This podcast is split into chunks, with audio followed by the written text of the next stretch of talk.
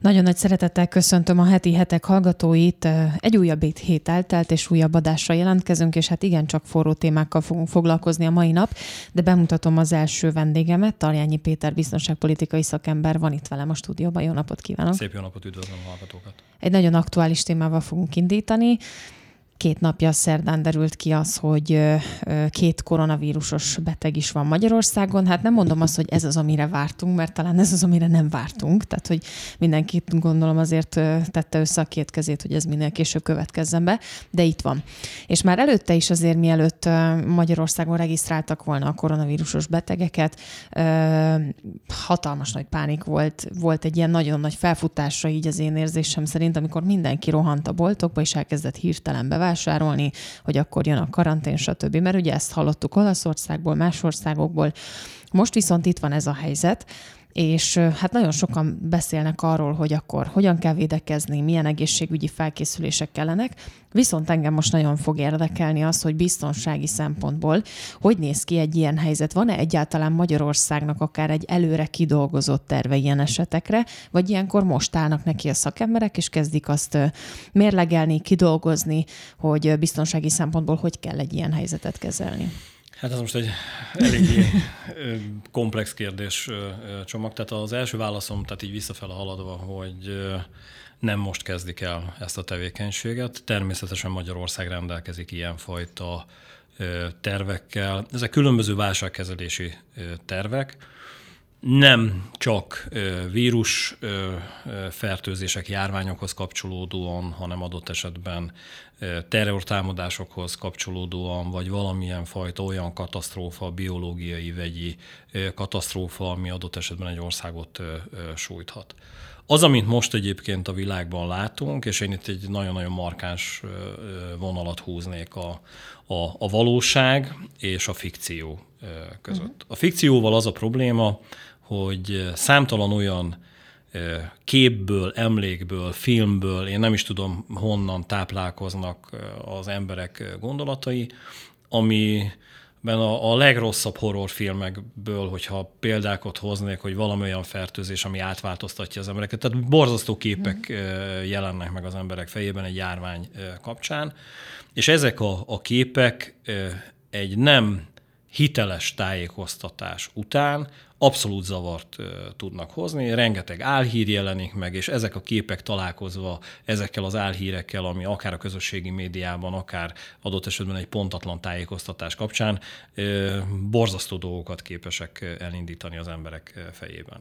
Nagyon-nagyon sok esetben maga a válságkezelő szervezet, és akkor mondok egy konkrét példát szerda estéről, amikor láthattuk, hogy Kínában nyilatkozik a válságkezelési csoport egy színpadon, a színpadon úgy ülnek, hogy maszkban, teljes egészében, és csak úgy engednek a terembe újságírókat is, hogy mindenki maszkban van. És végig arról beszélnek, hogy egyébként uralják az egész válságot. Miközben a képsorok pontosan ennek ellenkezőjét sugalják az emberekben, e, és kommunikáció szakértőkkel, akik e, szintén látták ezeket a képsorokat, ugye így végignézve és elemezve, pont arról beszélgettünk, hogy na ez az, amiben lehet, hogy kommunikációban, tehát beszédben próbálják éppen nyugtatni az embereket, de az a képvilág, ami megjelenik egy ilyen ö, e, sajtótájékoztatón, az pontosan a, az emberek félelmét ö, táplálja. Uh-huh. És ezért gondolom azt, hogy nagyon-nagyon pontosan és precízen kell ehhez a kérdéskörhöz állnunk. Nyilván orvosi értekezésben most nem fogok, de azt látnunk kell, hogy járványok voltak, vannak és lesznek.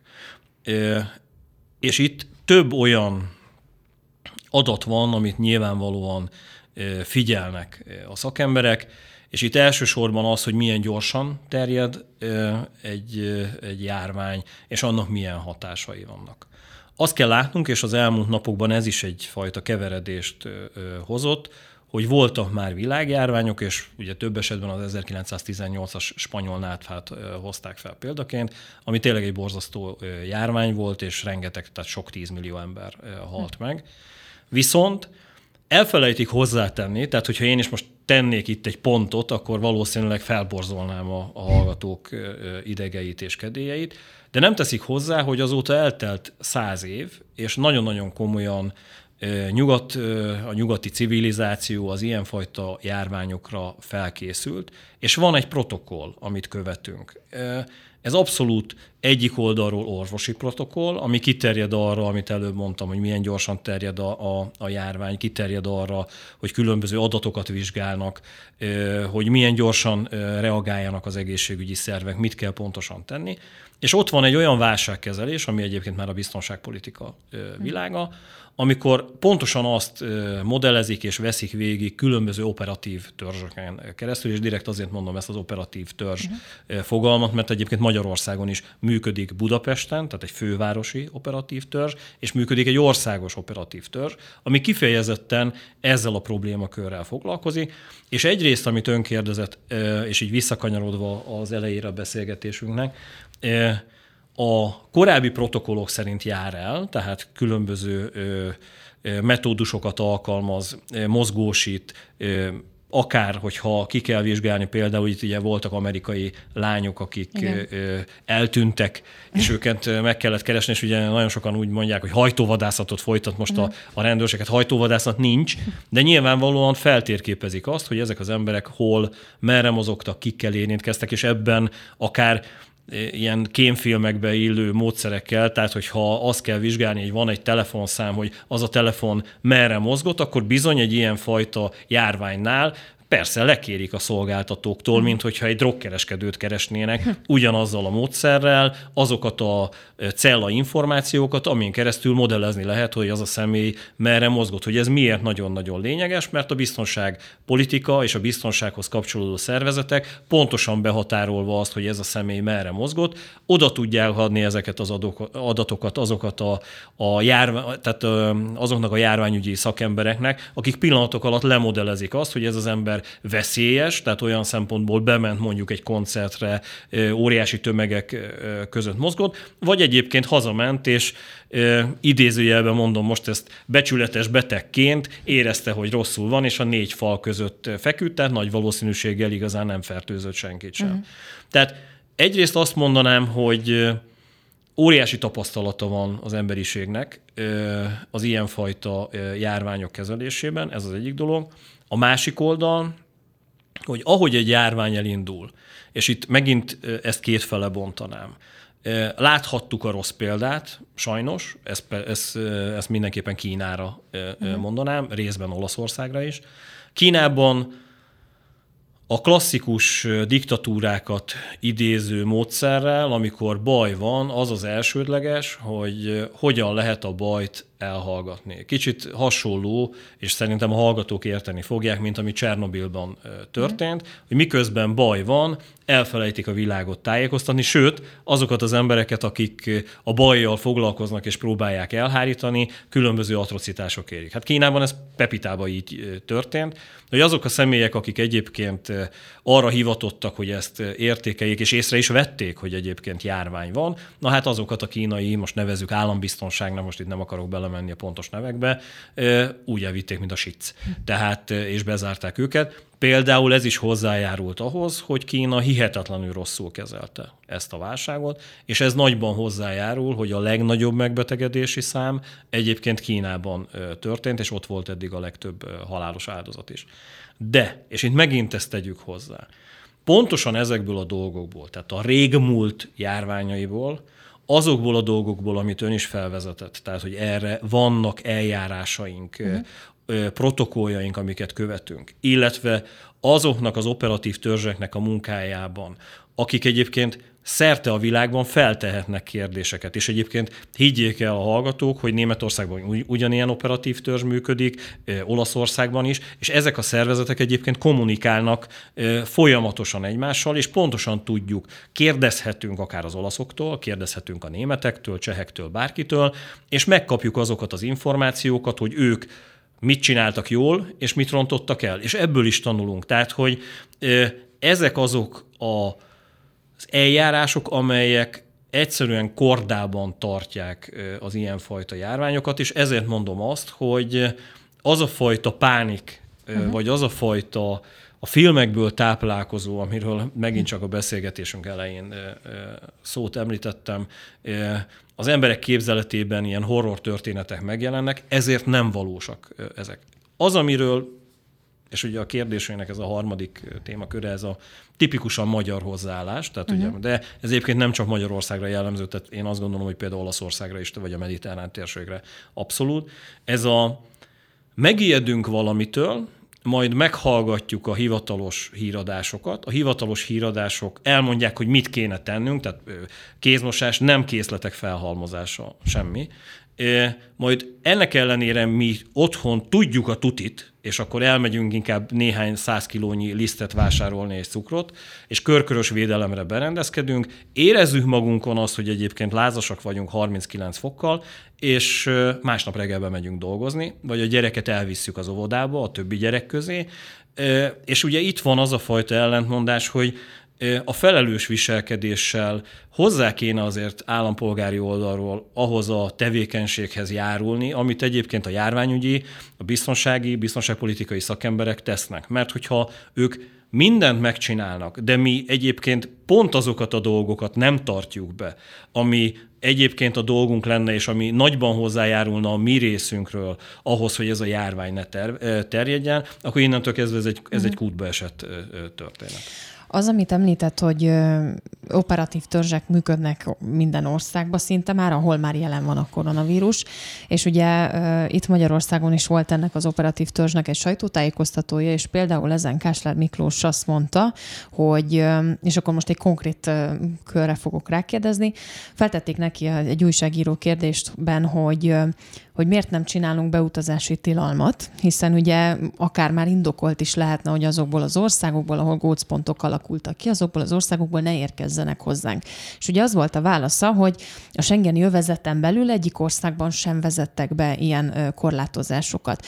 Mikor jön el az a pillanat, akár protokoll szempontjából, amikor egy ország önállóan dönthet, vagy amíg mondjuk még más országokkal együtt egyeztetve, akár a WHO-val együtt egyeztetve, vagy nemzetközi egyezmények alapján alapján dönt ilyen biztonsági kérdésekben. Mikor van az, amikor Magyarország azt mondhatja, hogy már pedig én ezt meg fogom tenni, teljesen mindegy, hogy mások mit csinálnak? Az első ö, részben egy, egyet pontosítani, tehát nem csak azokban az országokban működik operatív törzs, ahol megjelent a koronavírus. Tehát az operatív törzs, tehát mm. abban a pillanatban, hogy a járvány olyan szintet lépett át, ahol nemzetközi járványról beszélünk, uh-huh mint ahogy Magyarországon is egyébként láthattuk, tehát hogy nem volt még koronavírusos beteg, ennek ellenére az operatív törzsek már felálltak és működtek. Tehát vannak olyan európai országok, ahol még nincsenek betegek, vagy nem tudnak róla. Ennek ellenére azt kell, hogy mondjam, hogy mindenhol a világban. Tehát igazán a, a fejlett nyugati civilizáció összes országában ezt, ezt, ezt higgye el, nekem működnek uh-huh. ezek az operatív törzsek, és megy a, a, az adategyeztetés, és majd megy az információ megosztás, hihetetlen energiák mennek abba az irányba, és én azt gondolom, nagyon-nagyon gyorsan, most nyilván ezt nem napokban kell mérni, de hogy oltóanyag legyen. Ennek egyébként egy nagyon egyszerű oka van, az a gyógyszergyártó cég, amelyik elsőként fog erre a koronavírusra valamilyen fajta olyan oltóanyaggal megjelenni, ami tényleg hat, az piszkosul nagyot fog keresni, mert hogy ennek, és most tényleg, hogy értsék a hallgatók, és ezt most nem rossz értelemben mondom, vagy idézőjelben mondom, e, ennek a járványnak van egy borzasztó reklámja, mert hogy minden erről szól, mi uh-huh. is erről beszélgetünk. Nincs az az ország, amelyik megengedhetné magának azt, hogyha egyébként egy, egy jó oltóanyag megjelenik, hogy abból nem vásárol be. Tehát, hogy ez egy uh-huh. hihetetlen nagy profitot is jelent. Ebből adódóan ebben a kérdéskörben is rengeteg, tehát én azt mondanám, hogy ezer számra dolgoznak orvosok és gyógyszerészek azon, hogy ezt megoldják. Tehát ezt kell látni ebben. A másik kérdésére válaszolva, mikor dönthet így egy, egy állam? Tehát nyilvánvalóan van egy olyan peremszám, amit minden egyes járványra vonatkozóan a járványügyi és a biztonságpolitikai szakemberek kidolgoznak, és ez a járvány terjedése és egyáltalán az adatok alapján meghatároznak egy számot. Ha ezt a számot ezt most megkérdezem, mert nyilvánvalóan ezt, ezt, ezt, ezt nem tudom, hogy mi az a szám. Már, már nagyon a nyelvem nem, nem, nem, volt. Nem, tehát ezt, ezt nem tudom, tehát uh. hogy nem vagyok az operatív törzsben, tehát hogy innentől kezdve nem vagyok információ birtokában. de ez úgy működik, hogy ha ez a szám, vagy ez az érték valamilyen módon, ez adott esetben lehet egy betegszám, tehát hogy, uh-huh. hogy mennyi ember betegedett meg, akkor nyilván szintet ugorhat a biztonsági protokoll, és lehetnek szigorúbb intézkedések. Direkt nem Európát mondom, vagy nem Magyarországot mondom, mert közelében nem járunk uh-huh. ennek.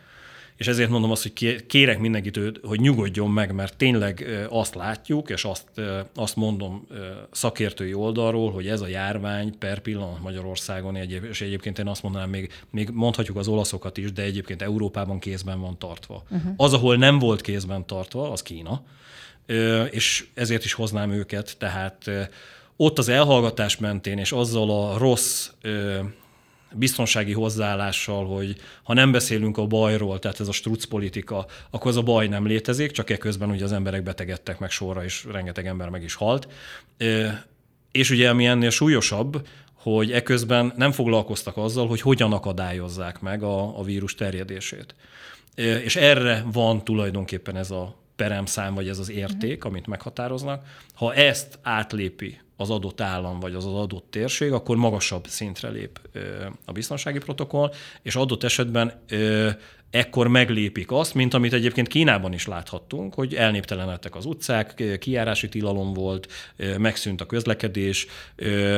Egyszerűen azért egyébként, mert Kína nem kezelte jól ezt az egész válságot, és ez a járvány ott elszabadult. És azzal tudták megakadályozni a járvány terjedését, és egyébként jó intézkedést, tehát utána átváltottak egyébként egy, egy jó működésbe, tehát miután elrontottak mindent, felismerték azt, hogy ezt valahogyan helyre kéne hozni, uh-huh. és ők már nem tudták másként helyrehozni, mint hogy, ahogy előbb mondtam, kijárási tilalmat vezessenek be rengeteg városban, a közlekedést korlátozzák, adott esetben a munkába a járás, tehát ugye több gyár, ha, ha megnézik a, a hallgatók, és rengeteg adat van a légszennyezettségi Igen. adatokból látható az, hogy mennyi gyárat állítottak le a kínaiak, és ez nem azért van, mert hogy ők azt akarták gazdaságilag, hogy ez így legyen, hanem egyszerűen azért, mert hagyták elszabadulni a járványt, nem tudták már másként megakadályozni azt, mint, mint úgy, hogy az emberek nem mentek be iskolába, üzembe, nem mentek be dolgozni, ezen keresztül nyilván a gazdaság leállt. És itt van az összefüggés, és erre is felhívnám a figyelmet, egyébként a média itthon ezzel nem nagyon foglalkozott, hogy milyen negatív hatása lehet a gazdaságnak. Tehát amikor az egészségügy és a biztonságpolitika, tehát a járványügyi szakemberek rosszul kezelnek egy válságot, az pillanatok alatt gazdasági problémát is okoz, mhm. mert hogy nem lehet másként onnantól kezdve megakadályozni a járvány terjedését, mint nagyon-nagyon extrém intézkedésekkel, és itt jutunk el oda, amit ön is felvetett, hogy akár a beutazási tilalom, a határok zárása, vagy extrém helyzet, amit láthattunk ugye Wuhanban, hogy kijárási tilalmat rendelnek el. Én azt gondolom, hogy ez nem lesz itthon, tehát uh-huh. hogy ez abszolút kézben van tartva, és ezért mondom azt, hogy mivel ezt a peremértéket nem léptük át, nem csak mi, Európa sem, ebből adódóan nincs az a fajta intézkedés, hogy itt határzárás legyen, vagy bármilyen uh-huh. egyéb intézkedés. Ez már sokadik vélemény, amit ön is mond, hogy valószínűleg itthon nem kerül sor arra a helyzetre, hogy akkor kiárási tilalom vagy karantén, és akkor ezt a szót ezt kicsit bontsuk ki. De azért játszunk el a gondolattal, mert hogy ugye a nagy pánikot az szerintem ez keltette itthon. Tehát nem is a vírus, és nem is a koronavírusnak a terjedése, hanem az, hogy jaj, mi lesz, hogyha karantén lesz, akár Budapesten, akár Magyarországon. Ugye ez annak kapcsán, hogy Olaszországban mm, kénytelenek voltak karantén alá helyezni településeket, kis településeket, térségeket, tehát azért nem fővárosról beszélünk, meg nem nagy térségekről. Viszont ennek, ennek a hátterével egy picit, egy nagyon röviden foglalkozzunk, hogy mit jelent az, hogyha valami karantén alá kerül. Tehát akkor tényleg abban a minutumban, hogy kijelentik, hogy itt akkor karantén, akkor se kisebb, se honnan? A karantén és karantén között is különbség Na. van. Tehát most tulajdonképpen, ha nagyon-nagyon szakmailag közelítünk ehhez, a kérdéshez, az a két irány, aki egyébként koronavírusos, ők is karanténban vannak. Uh-huh. Mert hogy a kórházba kerülve őket elszeparálták mindenkitől, és egyébként ilyenfajta karantén egyéb más vírusos megbetegedéseknél is van. Tehát a gyerekkoromban, és szerintem az idősebb hallgatók emlékeznek arra, nekünk ezt tanították, hogy, hogy adott esetben egy, egy lakásban, hogyha a családban van olyan súlyos vírusos beteg, akkor egyébként annak idején volt ilyen, hogy a körzeti orvos megmondta, hogy akkor ez egy ilyenfajta karantén, tehát és akkor a, a lakás volt idézőjelben karanténban, nem a családot elzárták, és nem arról szólt az egész történés, hogy ott ők nem mehettek sehova se, nyilván a családtagok ott, ott maradtak, és ilyen mm. szempontból nem voltak őrizve, meg semmi, hanem volt egy protokoll, amit nekik be kellett tartani. Ezek az iráni emberek sincsenek a Szent László kórházban, vagy nem tudom melyik kórházban, a fegyveres őrökkel körbevéve és őrizve. És nyilván van a karanténnak is több szintje. Az, amiről ön beszélt, ezeken az olasz településeken egyszerűen az történt, hogy az a betegszám és az az érték, amit meghatároztak Olaszországban, szintet lépett. És azoknál a településeknél azt a döntést hozták, hogy elzárják a külvilágtól. Tehát azt, de, de ez nem azt jelenti, hogy, hogy azok az emberek ilyen táborban vannak, uh-huh. és mhm. pillanatok alatt fölépült valami szöges drótrendszer, és, és fegyveresek őrzik, és hogyha valaki átlépi az, a, a város határt, akkor az valami atrocitás éri, hanem egyszerűen azt jelenti, hogy az a település minimális mozgással, tehát felfüggesztették az iskolák működését, felfüggesztették a mozik, tehát a szórakoztató helyek működését. A karantén elsősorban az állam számára egy olyan fontos bejelentés, amiben neki dolga van. Tehát ezeken a településeken meg kell szervezni. Tehát ezért mosolyogtam uh-huh. azon, hogy az emberek felhalmoznak készleteket, mert hogy ilyenkor az állam dolga azokból a tartalékkészletekből ellátni az embereket, és egyébként ezt teszi is, mint a Olaszországban is látjuk. Tehát, hogy uh-huh. nincsenek arról hírek, hogy ezeken a településeken mondjuk nincs víz, nincs tej, nincs élelem. Egyszerűen a karantén bevezetésével az olasz állam a saját működésében hoz egy olyan döntést, amiben tudja minden állami szervezet, hogy nekik dolguk van, és ezeken a településeken, mint hogyha egy ilyen katasztrófa sújtott a területnek nyilvánították volna, meg kell szervezni minden egyéb működést addig, amíg ez a járvány átvonul. Tehát, hogy de ha bárki bemenne, vagy kijönne, akkor ugye lehetett ilyeneket hallani, hogy ez büntetőjogi kategória. Tehát, hogy ez nyilván, b- bocsánat, tehát uh, itt rend van. Uh-huh. Tehát, hogy amikor az állam azt kéri az állampolgáraitól, hogy maradjanak a fenekükön, most bocsánat, nagyon uh-huh. egyszerűen pestiesen szólva. És utána ez az állampolgár úgy dönt, hogy hát ő ezt nem vonatkoztatja magára ilyen kötelezőnek, és akkor innentől kezdve össze-vissza szaladgál, nyilván ilyen helyzetekben az a dolga, hogy otthon maradjon. Tehát, hogy legyen szíves és tegye azt, amit az állam ö, ilyen szempontból kér ö, tőle, és ha ezt nem teszi, akkor igen, meg lehet fogni, és haza lehet őt vinni. De hát nyilvánvalóan, tehát, hogy itt nem az történik, hogy kivégzik őt a, a, a város határába. Tehát most tényleg bocsánat, hogy ilyen, ilyen durva példákat mondok, csak tényleg ö, nagyon-nagyon komolyan jelen vagyok a, uh-huh. a Facebookon, és látom, Igen. hogy döbbenetes dolgokat képzelnek az emberek, hogy itt mi történik. Tehát, hogy egy karantén azt jelenti, és tényleg ilyen őrtornyokat vizionálnak a, uh-huh. a házuk környékén. Ez nincs így. Tehát egyetlen egy dolog van, az, hogyha egy ilyen döntés születik, bármilyen szinten az állam kér valamit, és mondok egy extrém példát, azt kéri a kormányzat, azt kéri az állam működése, a járványügyi szakemberek, az operatív törzsek, hogy az emberek függesszék fel a munkájukat, akkor otthon kell maradni. Ilyenkor egyébként szert a világban, és erre is megvannak a protokollok, hogy egyszerűen az állam tudja azt, hogy milyen élelmiszerellátásra van szükség. De most olyan extrém dolgokról beszélünk megint, és ugye az a baj, hogy, hogy pont a legrosszabb dolgot hangsúlyozzuk, miközben ez, erre én azt mondom, hogy 0,0000 nem tudom uh-huh. hány ezrelék vagy tízezrelék esélyt adok. Nyilván van ilyen esély, mert elszabadulhat a, a vírus, de a legnagyobb valószínűséggel azt mondom, és erre adom a 99,999 százalékot, hogy egyébként ez kézben tartva lesznek, és nyilvánvalóan vannak is még betegek, most mondom, hogy a betegeknek a jó részét észre se fogjuk venni, mert nagyon-nagyon sokan egyszerűen lábon kihordják, és, és semmit nem fogunk ebből érzékelni. Olaszországban nem álltak jól ehhez a kérdéskörhöz, egyszerűen nem foglalkoztak azzal, hogy mit kérnek a járványügyi szakemberek. Fegyelmezetlenségről uh-huh. van szó. Ugye az egyenes beszédben pont erről beszélgettem szerda este, ahol felmerült ugye ez a finn modell, meg a, az olasz modell. Annyi a különbség a kettő között. Tehát ez nem azt jelenti, hogy a finn szakemberek sokkal-sokkal okosabbak, mint az olasz járványügyi szakemberek. Nem. A fineknél volt egy kérés, amit a finek úgy tekintettek magukra nézve, hogy kötelező érvényű, és azt szerint jártak el, és azt szerint éltek. Az olaszoknál meg nem. Uh-huh. És meg lehet nézni a különbséget a kettő között. Magyar szempontból a magyar hatóságok szakemberek ön szerint mennyire reagálnak jól, vagy, vagy ez a reakció, ide most így nagyon csúnya szakszavak, vagy szavakkal próbálom jellemezni.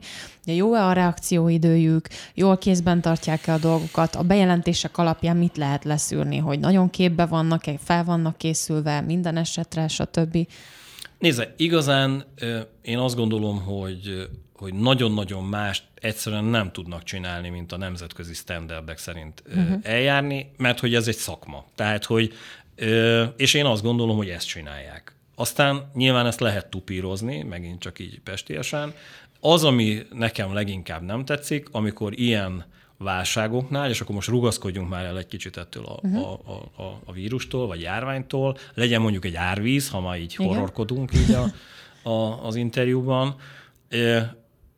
Kormánytól függetlenül, vagy oldaltól függetlenül mondom. Egyszerűen a válságokat a politikusi társadalom azért szereti, meg a politikusokhoz kapcsolódó kommunikáció szakemberek, mert ilyenkor egy politikus be tud futni, tud nagyon-nagyon sokat szerepelni, tud nagyon-nagyon borús tekintettel, gondoktól elhomályosult felhőkkel a homlokán vonulni, és, és elmondani azt, hogy borzasztó döntéseket kell hozni, és Atya Úristen, hogy ő mit él át, miközben egyszerűen a protokollok szerint rengeteg ember teszi a dolgát, és egyébként az automatizmusok működnek. Tehát én ezt a fajta kommunikációs, optikai tuningot nem szeretem, uh-huh. ami rendszeresen Magyarországon megjelenik, ami egyrészt azért rossz, mert még, tehát hogy ahogy a beszélgetésünk elején mondtam, hogy az az optikai tuning Kínában, amikor mindenki uh-huh. bevonult ugye az arcán maszkal, hála jó Istennek, nálunk ez nem történt meg, tehát hogy, hogy,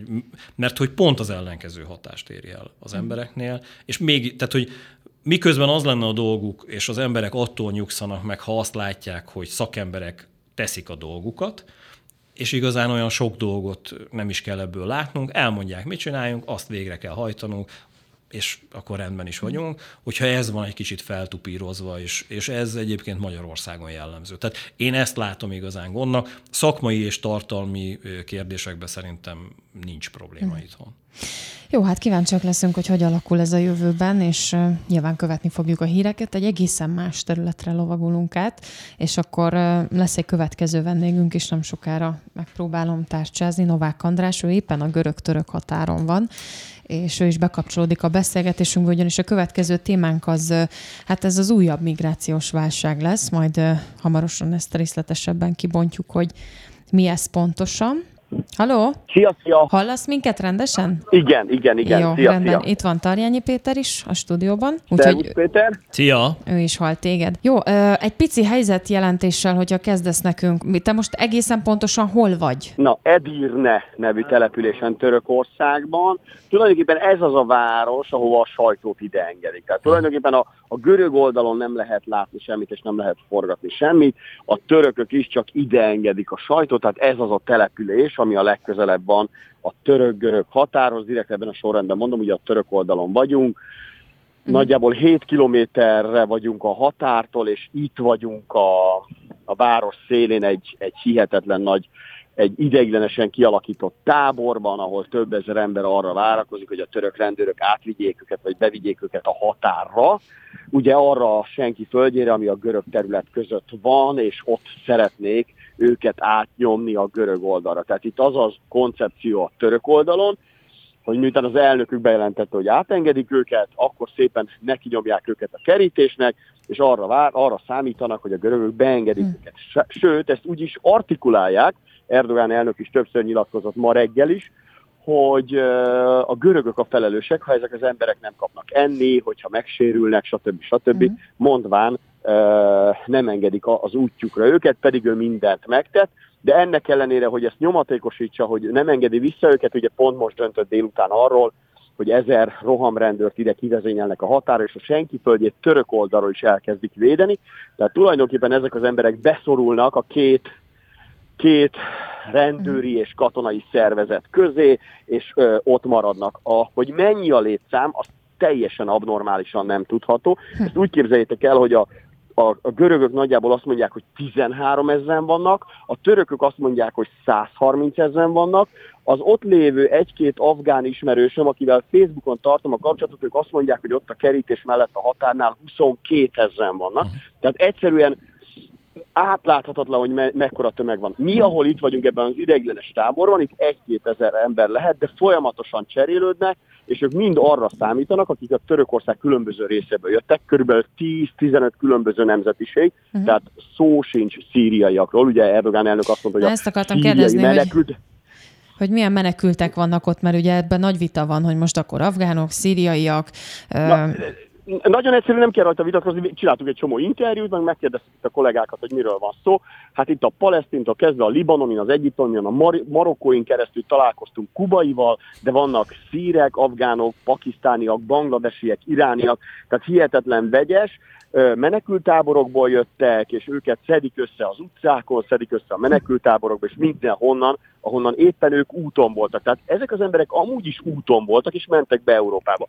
Ugye eddig azért nem verték ki a biztosítékot, mert kis létszámban, kis csoportokban, különböző útvonalakon jöttek befelé, csempészek által itt öt ember, itt három ember, itt tíz ember, az vagy sikerült, vagy nem, illetve én ugye mindig azt szoktam mondani, hogy mindig sikerült, csak nem elsőre, hanem nyolcadikra vagy tizedikre, de most ugye összegyűjtötték őket a törökök, ezért viszont ez rettentő látványos, rettentő demonstratív, és ugye a görög oldalon most ugye ennek nekiálltak, hogy na akkor itt a vége, itt nem lehet bemenni, ebből volt a tegnap, tegnap előtti konfliktus, uh-huh. meg is halt egy szír férfi, többen megsebesültek, itt a török, törököknél azt mondták, hogy több százan sérültek, meg nagyon látványosan egyébként olyan sajtótájékoztatót tartanak a törökök, hogy a, az illetékesek szír sebesültek mellett, mentő mellett, hogy berakják őket, segítenek, és a görögöket hibáztatva, hogy lövik a menekülteket, Uh, tulajdonképpen egyfajta ilyen kommunikációs háború megy Görögország és Törökország között. Az biztos, hogy itt körülöttem lévő, hát én nem is tudom, rengeteg ember át van verve. Tehát ők azt hiszik itt Edirne városban, hogy nem sokára majd felteszik őket buszokra, ez igaz, és utána mehetnek Európába. De szó sincs erről, uh-huh. őket kidobják majd a senki földjén, aztán majd rádöbbennek, hogy ott se étel, se víz, se villany, mert azért így tudni kell, hogy itt a városban folyamatosan kb. 3-4 óránként érkeznek segélyszervezetek, ruhákat osztanak, gyümölcsöt osztanak, ételt osztanak, sátrakat osztanak, takarókat osztanak. Tehát itt egyfajta ilyen ez a tipikus menekült tábor, ideiglenes menekült tábor kialakítás zajlik, de gyakorlatban innen 8 kilométerre a határnál pedig egy ilyen, hát nem is tudom mit lehet mondani, egy ilyen nagyon nagy kommunikációs zavar, katasztrófa, humanitárius katasztrófa, valami ilyesmi várható ott. Arról nem is beszélve, hogy ugye mindenki be akar menni az Unióba, tehát szegény görögökre hihetetlen nyomás hárul. Nem tudom, kértet foglaljam össze, nagyjából ennyibe uh-huh. tudtam most így elmondani. Figyelj, uh, volt, volt, ma egy, volt ma egy hír, uh, nem is tudom, valamelyik külföldi portál hozta le, hogy török a török részről török fegyveresek terelik tulajdonképpen az embereket a határ felé. Ez mennyire igaz, vagy ez mennyire mm, szóbeszéd esetleg ott? Hát figyelj, nem kell őket terelni. Tehát tegnap este, amikor forgattunk és interjúkat készítettünk, Uh, itt mindenki azt mondta, hogy ugye ők bevándorlók, elmondtuk nekik, hogy de hát tudjátok, hogy ez illegális, mondják, tudják, de ők Európába akarnak menni. És akkor megjöttek a török rendőrök, és mondták, hogy itt van a busz, viszünk titeket a határa. Nem kellett, nem, hogy mondjam, nem kellett fegyverrel terelgetni őket, mert amikor ezek meghallják, hogy megy a busz a határa, tehát azt a 8 kilométert sem kell legyalogolni, akkor mindenki önként felszalad a busz, és már mennek is tovább. Fogják a cuccaikat, csomag, zacskó, gyerek, stb. és elindulnak a határa. Tehát nem kell rendőri nyomás nekik. Itt a rendőrök igazából az újságírókat terelgetni. Uh-huh. Két dolgot tudok elmesélni. Hétfőn tíz újságírót tartóztattak le a török rendőrök. Uh-huh. Nagyon nem szeretnék, hogy ott legyünk a, a határnál, tehát ne, nagyon nem akarják mutatni, hogy miben lökik bele az embereket. Ez egyébként ö, azt kell, hogy mondjam, hogy riporterként elfogadhatatlannak tartom, hogy a törökök viselkednek az újságírókkal. A másik rész, hogy amikor meg elkezdődik a rendőri akció, például tegnap este, és abban a másodpercben kikapcsoltatták a kamerát, de ezt annyira komolyan tették, hogy megfogta a rendőr a Laci, Markos Laci az operátor, ráfogott a kezére, hogy azonnal kapcsolja ki a kamerát, még egyszer mondom, nem volt rendőri brutalitás, nem volt erőszak. Tehát mindenki szállt fel a busz, és mentek oda. De azt már nem akarják mutatni, hogy ők szállítják uh-huh. az mhm. embereket a, uh-huh. a határa. Péter, mit gondol erről? Hát igazán én azt gondolom, hogy Erdoğan elnök emelte a tétet. Tehát uh, nyilvánvaló az a fajta kommunikációs nyomás, amit az elmúlt napokban ők folyamatosan kifejtenek a tekintetben, hogy elérjék a céljaikat. Igazán ugye itt két célja van Törökországnak, és hogy a biztonságpolitikában mindig fogalmazunk, van egy elsődleges szándék és egy másodlagos szándék. Az elsődleges szándéka nyilvánvalóan, ez az elsődleges szándék az, amit éppen látunk. Tehát az elsődleges szándék, hogy valamilyen úton, módon rákényszerítse az akaratát az Európai Unióra Erdoğan elnök. Itt ugye ez számtalan dologban lehet neki jó, és itt evezünk át a másodlagos szándékra, kaphatnak még forrásokat, felhívhatja a figyelmet arra, hogy milyen hatalmas nagy áldozatot hoz Törökország, és ezt a nemzetközi politikában, és ahogy előbb fogalmaztam, pénzszerzésre, tehát nagyon-nagyon mhm. egyszerű zsarolásról beszélünk, lehet használni. És a másodlagos szándék, ez egyébként mindig általában a valós szándék, valamilyen úton, módon azt a fajta szíriai helyzetet szeretné eh, kimozdítani, eh, arról a holdpontról, amiben egyébként eh, Törökország saját maga is, illetve Oroszország evezte magát, vagy terelte magát, hogy Szíria orosz, tehát nyílt orosz katonai segítsége sokkal-sokkal kisebb szintre szoruljon vissza. És ezen keresztül a zsarolás, tehát az elsődleges szándékon keresztül, hogy lám, nézzétek meg, és ugye nem először fenyeget Erdoğan elnök az elmúlt években, csak most volt, hogy tényleg ezt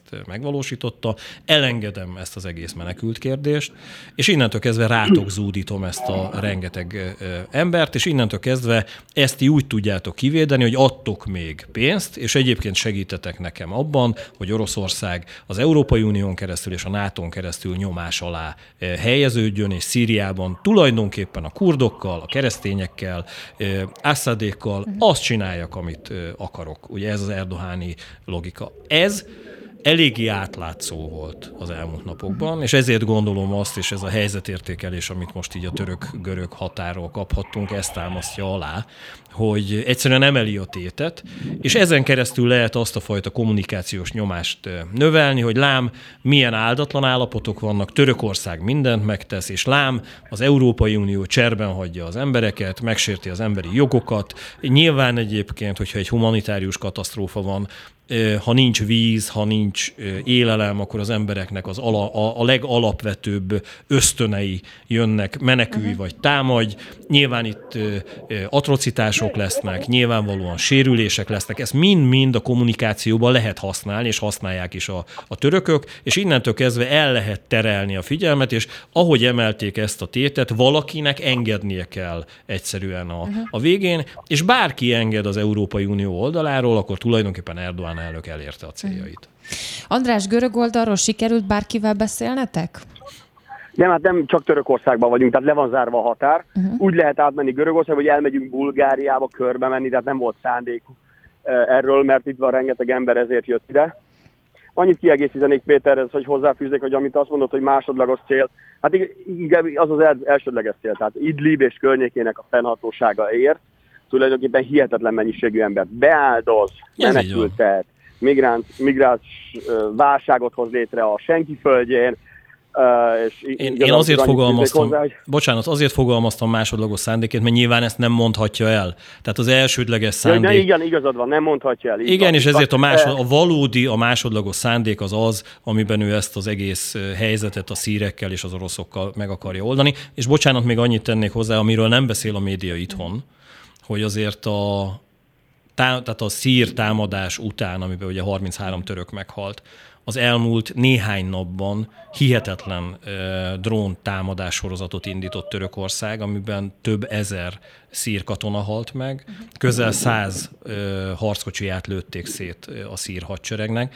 és nyilvánvalóan, tehát és itt megint az van, hogy mit ért el Erdoğan elnök, Oroszország pontosan ezért a menekült válság miatt, és pontos azért, mert ez a helyzet van, nem segített most a szíreknek a válaszcsapásban. Tehát tulajdonképpen a szír hadsereget, hiába vannak ott az oroszok, a szír hadsereget Törökország most nyugodtan tudja, nem is idézőjelbe téve mondom, rombolni, és ezt teszi is a török hadsereg szisztematikusan.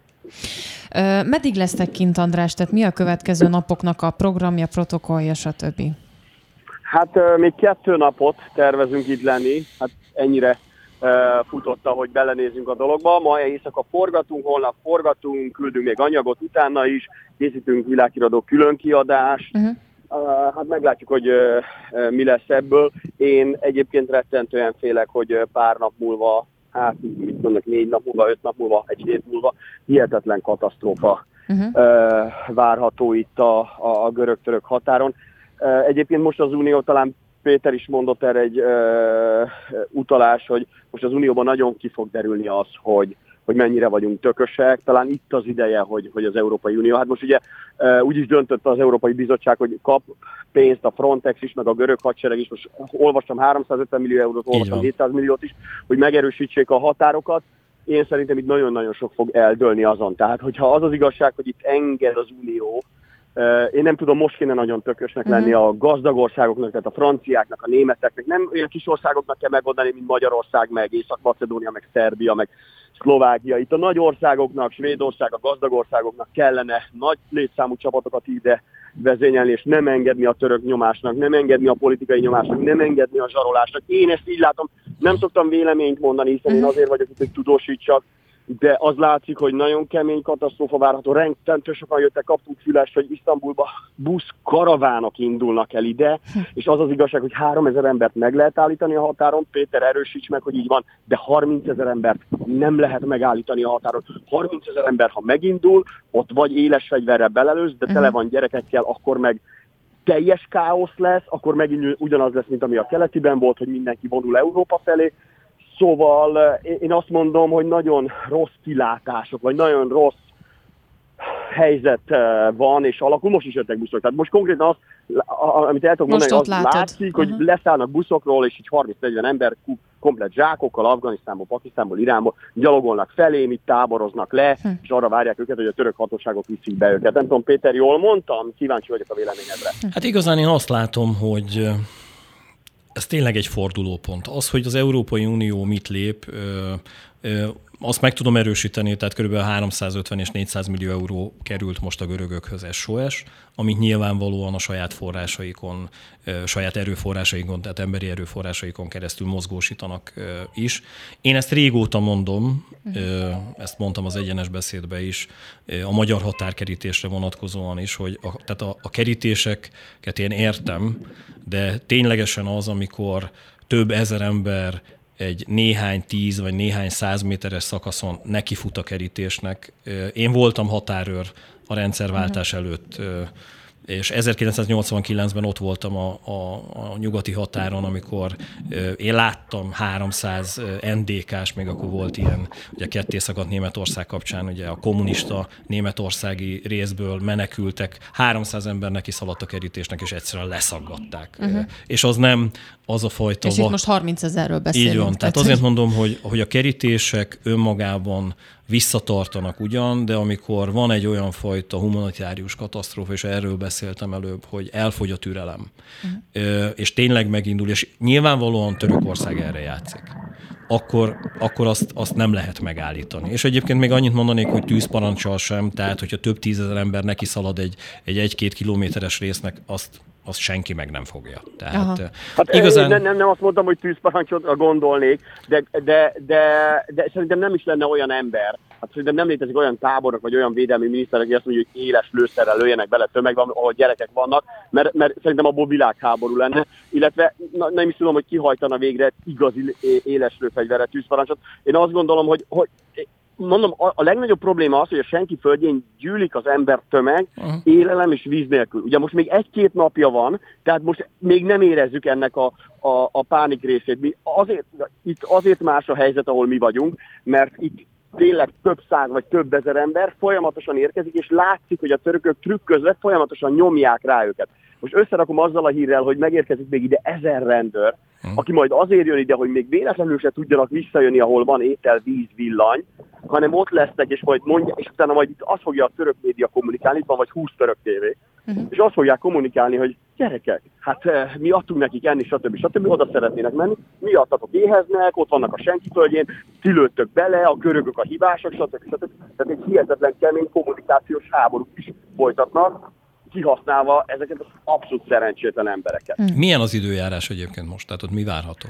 Picivel jobb idő van, mint otthon, nappal hmm. volt 22 fok, rövid újú, vagy, vagy egy mellény elég volt. Tehát hmm. jó idő van, éjszaka lehűl, tehát most, hmm. most olyan 10 fok körül van, de ugye sötétedik 2 órával előrébb vagyunk, tehát most 3 negyed 7 lesz 5 perc múlva, hmm. uh, nagyjából egy fél óra múlva, óra múlva sötétedik, akkor hideg lesz. Aha. Tehát de a, úgy kell elképzelni ezt a sátortábort, itt egy idéglenes tábort, hogy rengetegen gyújtottak tüzet, sátrakat, ilyen ideglenes sátrakat húznak fel, pokrócokban vannak bebugyolálva, tehát éjszaka hideg van, de még egyszer mondom, amit mi látunk, ez itt bent van a városban, tehát itt van uh-huh. mellettünk benzinkút, bolt, itt lehet menni, itt lehet venni simkártyát, itt el tudnak menni vásárolni az emberek, ide hoznak segélyeket, tehát rendszeresen jönnek segélyek, össze is verekszenek néha a segélyeken, uh-huh. hoznak neki szendvicset, stb. stb. De ez itt még a hogy is mondjam, a, a szerencsétlenségben a jobbik rész, de itt ezek az emberek tényleg azt hiszik, hogy a török rendőrök tök jó fejek, és elviszik őket oda. El is fogják vinni őket, ami ott várja őket, de arról nem tudnak semmi. András, nagyon szépen köszönöm, hogy bejelentkeztél nekünk, és akkor hát várunk hazatiteket pár nap múlva.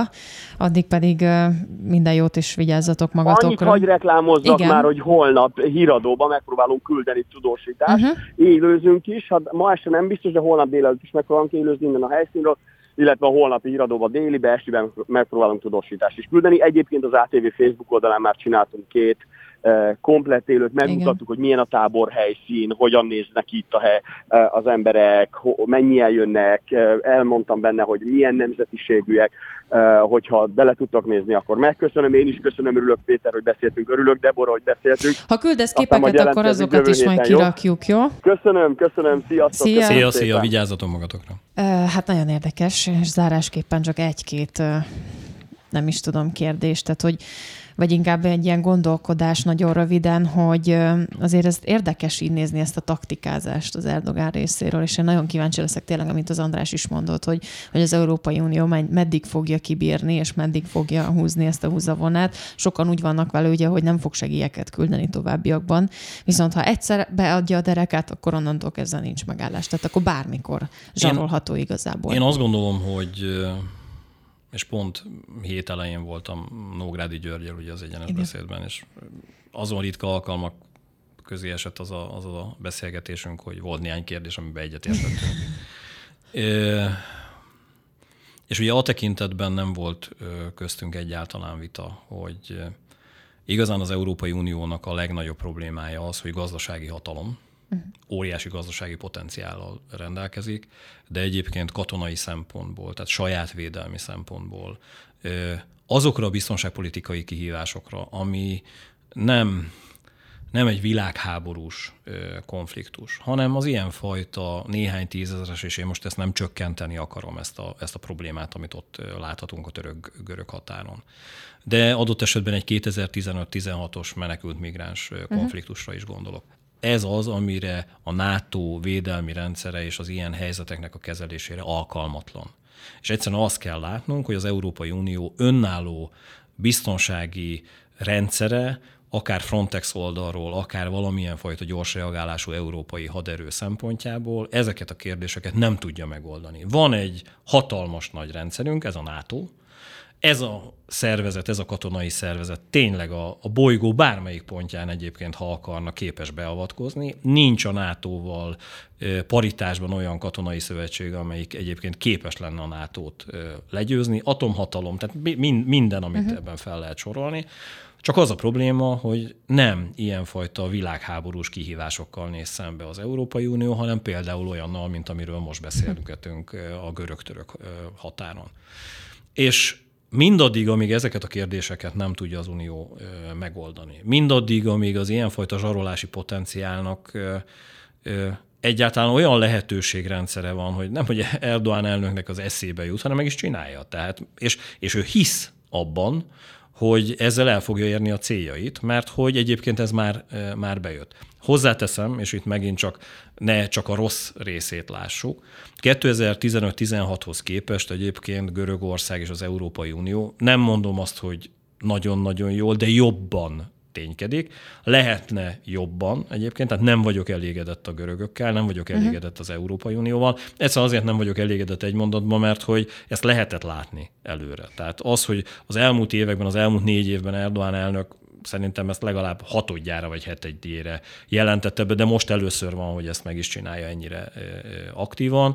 Ez pontosan azt mutatja, hogy egyébként mennyire vételenek vagyunk, és mennyire nem vagyunk erre a kérdéskörre felkészülve. De egyre jobban reagál az uh-huh. Unió. És furcsa lesz a párhuzam, de meg fogják érteni a hallgatók, hogy ha visszaemlékszünk az 1990-es évek Szerbiájára, amelyik egyébként háborúzott, ahol Milosevic, Karadzsics tényleg úgy gondolta és hitte, hogy bármit megtehetnek a térségben.